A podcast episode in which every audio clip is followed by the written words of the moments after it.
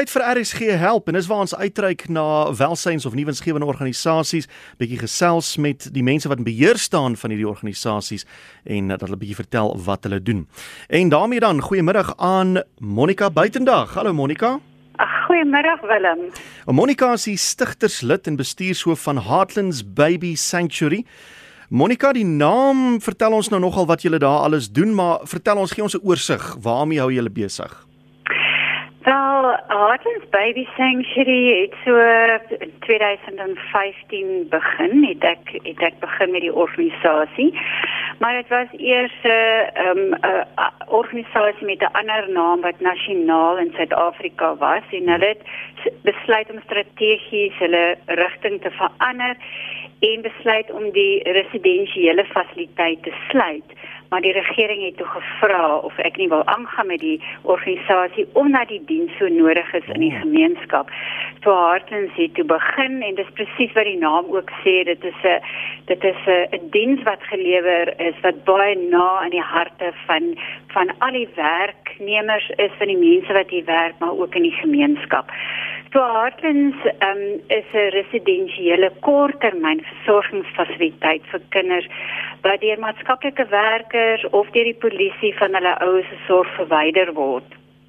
So Heartlands is 'n geregistreerde en ek gaan dit nou maar in Engels noem, hmm. Child and Youth Care Center, maar is ook 'n geregistreerde geestelike gesondheidsfasiliteit as ook 'n hospice vir terminale siek kinders en die ouderdom strek van geboorte tot 6 jaar hmm. en ons kan op 'n gegeewe oomblik 25 kinders huisves. So dit is 'n korttermyn. Kinders word dan deur die hof met 'n hofbevel by ons geplaas vir 'n minimum tydperk van 3 maande en dan word hulle versorg ehm um, tot hulle weer uitgeplaas kan word. En so, hoe werk die ja. proses waar waar hulle by julle aankom? Jy het nog gepraat van maatskaplike werkers en polisie. Ja. Is dit nou na nadat 'n hofsaak plaasgevind het? Nee, wanneer daar byvoorbeeld 'n klagte is of 'n saak word aangemeld by 'n maatskaplike werker en dit sal 'n maatskaplike werker wees by kindersorg of by Badisa of ACVV, um, dan moet hulle 'n ondersoek gaan instel. Hulle moet so 'n risk assessment gaan doen en as hulle voel dat die kind uh, nie veilig is nie en gevaar is, um, moet hulle eers aansoek doen uh, by uh, maatskaplike dienste um, om die kind dan in 'n fasiliteit te plaas en dan kyk hulle waar is die kind, watter omgewing is dit, wat is die ouderdom, wat is die behoefte van die kind? En dan word die kind by 'n sekere fasiliteit geplaas. En dan moet die maatskaplike werker 'n uh, of bevel kry om Ek die sien. kind te verwyder en dan word die kind by ons geplaas vir 'n sekere hmm. tydperk. En dit hang af regtig ehm um, hoe wat die omstandighede van die kind is. Baie keer is dit wanvoeding, baie keer is dit mediese verwaarlosing dat die uh, medikasie nie reg gegee hmm. word nie, dan word die kind daarvoor verwyder. Maar dit is ook kinders wat fisies seksueel mishandel is, verwaarlose kinders, weeskinders, wangevoed het ek al genoem, hmm. siek kinders, ehm um, intellekt wat intellektuele probleme en matige gestremdhede het, uh, word dan by ons geplaas. Ook pasgebore babatjies word by ons geplaas wat ook vir aanneming beskikbaar is en hulle moet 'n 60 dae wagtydperk. Ja. Ehm ja. um, moet hulle by ons bly tot die wetlike prosedure afgehandel is. Nou groot probleem in Suid-Afrika en dit skort kort in die nuus is hierdie babetjies wat weggegooi word wat in 'n asdrom gevind word of op 'n vullis hoop. Het julle enigstens iets met daardie uh, situasie te doen? Ja, ons kry ook wel sulke babetjies wat gevind word en dan baie keer deur die polisie by ons geplaas word, want ons is ook 'n uh, 'n uh, noodveiligheidsfasiliteit. So dit gebeur baie keer dat kinders ergens gevind word en dadelik by ons geplaas word. So hulle hoef nie deur die hele proses te gaan nie. Uh, en dan daarna word 'n hofbevel uitgereik. So dit is ook maar jy weet kinders wat deur die polisie gevind word wat geplaas word. Ja. Nou in die tyd wat jy hierdie werk doen, uh, het jy al seker te doen gehad met hartverskeurende stories. Hoe kry jy mense dit reg om aan te gaan met jou werk? En dat dat dit jy nie onderkry nie. Ja, dit is nogal moeilik. Ehm um, ek myself is al 25 jaar in die veld So ek het nou al regtig baie hartseer sake mm. gesien. Ag, mens kan nie baie keer glo as klein babietjies of kindertjies uh ingeneem word. Ons het uh, nou rukkie terug 'n 9 maande ou babietjie ingeneem wat seksueel mishandel was. Um dit is baie erg om dit te sien. En ja, weet jy, 'n mens um, 'n mens ervaar dit, maar dan ervaar jy ook die positiewe gedeelte daarvan om te sien hoe hierdie kind dan heeltemal verander. En en eh, weet ek altyd sê die die, die klein persoontjie of, of die dis dis mishandelde kind word kom in en uh, ons verander daardie kind heeltemal in hmm. tot 'n nuwe klein mensie. Ehm um, so dit is eintlik wonderlik om dit te sien en dit is hartseer maar ek dink op uh, waar ons werk is daar eintlik soveel positiewe dinge wat ons sien wat ons kan raak sien en die veranderinge wat ons in hierdie klein jong kinders nog kan bewerkstellig is. Eintlik wonderlik ja. Het dit al gebeur dat kinders wat deur julle sorg is jare later terugkom en sê hallo ek was hier ek wil net sê dankie en hoe gaan dit Ja, nee, absoluut en ek kan miskien net die storieetjie vertel toe ek nou in 2003 aanvanklik die projek hier begin het. Hmm. Het ons 'n kind ingeneem wat op daardie stadium 4 jaar oud was. Sy het 6 kg geweeg. Sy was HIV positief. Ehm um, eintlik al in die finale stadium. Sy het na ons toe gekom om te om te sterf. Ja. En sy kon nie loop nie, sy kon nie praat nie. Sy was baie baie depressief want sy het net haar ma ook verloor. En um, ons het haar ingeneem en net die regte voeding, die liefde, natuurlik medikasie, mm. ook die antiretrovirale middel. En sy is vandag 19 jaar oud. So sy ehm um, het verlede jaar het sy teruggekom na ons toe om te te spys hoe sy lyk en sy kon nie eintlik meer mooi onthou want sy was so 3 jaar was sy ontrent hier by ons gewees toe sy nou weer teruggeplaas is uh, by haar pa in die gemeenskap. En ehm um, ja, dit is wonderlik om dit te sien. Ja. So oor hierdie klompie jare het ons al oor 1000 kinders gehad en net vandat ons Heartlands begin het, het ons so 320 ja. kinders al deur ons deure gehad, ja. Monica, vertel ons wat is julle uitdagings op 'n daaglikse basis en hoe funksioneer julle? Het julle skenkings nodig, kontant of eh, kos in doeke en so aan? Vertel ons bietjie. Ja, nee, dit is nogal uh, ons ons sit nogal met baie uitdagings, natuurlik finansiële uitdagings. Want toe ek nou met Heartlands begin het in 2015 en 'n regering gevra dat ek moet aangaan met hierdie projek, het hulle ook gesê hulle sal befonds en hulle befonds ons. So van ons befondsing kom uh, kry ons 26% van hulle af. Dis dis baie baie min eintlik maar uh, ons moes toe nou self inspring en besluit jy wat gaan ons nou doen om 'n gereelde finansiële inkomste te kry ook. Hmm.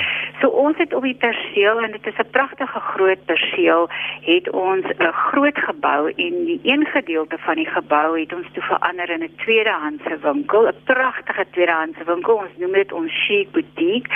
Ehm um, so mense in die gemeenskap bring vir ons gereeld skenkings, dit word uitgesorteer en ons gebruik daarvan vir ons kinders ook. So al die klere, al die skoene word vir die kinders gegee, meubels, enige iets neem ons in. En dit wat ons nie gebruik nie, verkoop ons in die winkel. Dan het ons ook 'n koffiewinkel begin en ehm um, daar word dan ook funksies, maar maar nou uh, doen ons nie meer funksies maar in die verlede en hoop in die toekoms kan ons weer funksies doen. Hmm. Word daar funksies gehou. Dit is 'n pragtige plekkie wat ons het dan ook. En dan het ons nou ook begin met ehm um, met 'n groentetein want ons het toe nou ook besef verlede jaar, sjoe, jy weet, uh dit is moeilike tye, ons wil graag ons eie groente plant. So ons het nou begin met ons eie groentetein en ons het hoenders en ons het eende, hulle lê hulle hulle eiers. Julle laat die gras onder julle voete uh, groei. Nee, glad nie. En toe het ek nou uh nog grond bygekry. So jy, ons is baie opgewonde oor hierdie um die vergroting van ons groentetuin want ons besef dis sjoe jy weet dit bring eintlik vir ons nogal baie groente in ons wil dit graag dan ook deel van ons selfonderhoudende projek maak waar ons dan nou dit kan ook verkoop aan die aan die gemeenskap ja. want dit is alles organies en ons ons bestuur dit op of die groente word gegroei op 'n tegniek wat genoem farming God's way.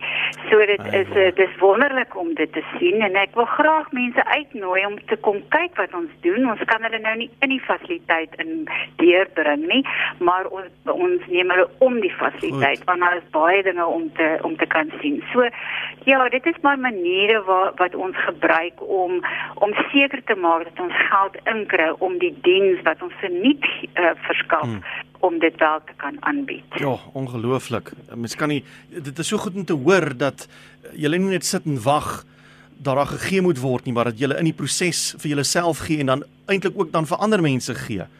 Ja, ja, gaan ons doen dit ook want baie keer kry ons groot geskenkings, skenkings soos soos byvoorbeeld doeke. Hmm. Ehm um, jy weet ons kry ons het baie doeke nodig, maar ons kry ook van maatskappye doeke en dan deel ons dit met ander kinderhuise want ek wow. weet ons ja. almal kry swaar, so dan dan deel ons dit graag. Maar ek ek moet regtig ook sê dat die gemeenskap baie betrokke is want jy weet my uitgangspunt was nog altyd dat ehm um, hierdie moet 'n gemeenskapsprojek wees. Ja. Daar's so baie nie mense in die gemeenskap wat erns graag 'n verskil wil maak en hulle kan nie almal 'n uh, 'n uh, NGO begin nie. Ja.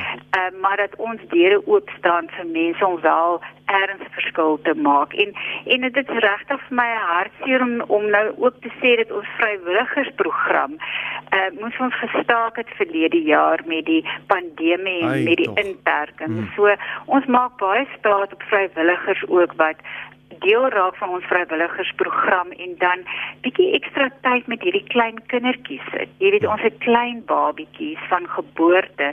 Party van ons babietjies kom op 28, 32 weke hier aan. Hulle weeg baie baie min. So hulle moet regtig baie vers, intensiewe versorging kry en, en net vasgehou word. Jy weet baie van hierdie kinders um, wat ons inkry het individuele aandag nodig en wil net bietjie liefde ontvang ontvang en jy weet ons personeel is besig jy dink 25 van hierdie kindertjies wat siek is wat wat ekstra aandag nodig het het ons regtig vrywilligers nodig so ek ek hoop dat jy weet ons binnekort of weer volgende jaar ons vrywilligers kan terugnooi en nuwe uh, mense kan kry wat betrokke kan raak by ons projek maar daar is ander maniere waar mense kan betrokke raak op die oomblik is deur maar jy weet vir ons ehm um, alles wat ons nodig het, ehm um, jy weet te kan help skenk. So dit is ons het 'n wenslys en uh, dis maar kosse en enigiets ja. wat 'n mens nodig het vir vir kinders, uh, vir klein babietjies. Goed, um, Monica, ons tyd spesiaal om ons in te haal. So net om vinnig af te sluit julle kontakbesonderhede, 'n telefoonnommer of 'n Facebookblad, 'n webwerf as jy het. Ja, ons het alles so ehm um, ons webtuiste is www.heartlandsbaby.org en ons het ook 'n Facebook en ons web ja, die webtuiste het ek genoem en dan ons telefoonnommer as mense ons graag wil skakel en betrokke wil raak of wil help is 021 852 3527. En hulle kan ook 'n eh, e-pos Somerset Wes, nee. Ja, ons is oh. in Somerset Wes in die Weskaap en hulle kan ook vir ons 'n uh, e-pos e-pos stuur na info@heartlandsbaby.org. Monica was wonderlik geweest om met jou te gesels. Baie dankie vir die goeie werk wat jy doen. Ek kan hoor jy's passievol en jy is uh, 'n uh, raakvat vrou. Jy laat nie dinge om jou gebeur nie, jy laat dit gebeur. Uh so dankie vir die saamgesels en voorspoed vir julle. Ek hoop julle kry baie terugvoer. Ag baie dankie Willem en baie dankie vir die geleentheid. Jy weet dit is altyd wonderlik om te kan praat oor dit wat ons doen want jy weet al die mense wat hier werk is so passievol oor die hmm. werk omdat ons kan sien ons maak regtig 'n groot verskil in die gemeenskap en 'n verskil in, in jong kinders se lewens. Hmm. Daar sê so gesels Monica Buitendag van die Heartlands Baby Sanctuary. Mooi bly julle Monica. Uh, baie dankie Willem, goed gaan.